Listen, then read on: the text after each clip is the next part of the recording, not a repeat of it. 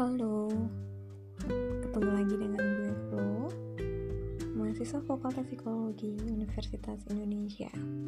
Kali ini gue mau bahas tentang kenapa sih nama blog ini, nama podcast ini kemudian dinamai Nata Jiwa.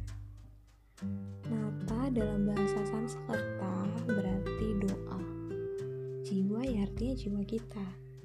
Nah, apa yang mau aku bahas di semua podcast ini nanti ya ada seri-seri selanjutnya itu memang bertujuan untuk membawa ketenangan atau mendoakan jiwa-jiwa melalui berbagi pengalaman, cerita, narasi hidup, dan apa pun deh pokoknya yang bikin kalian tenang.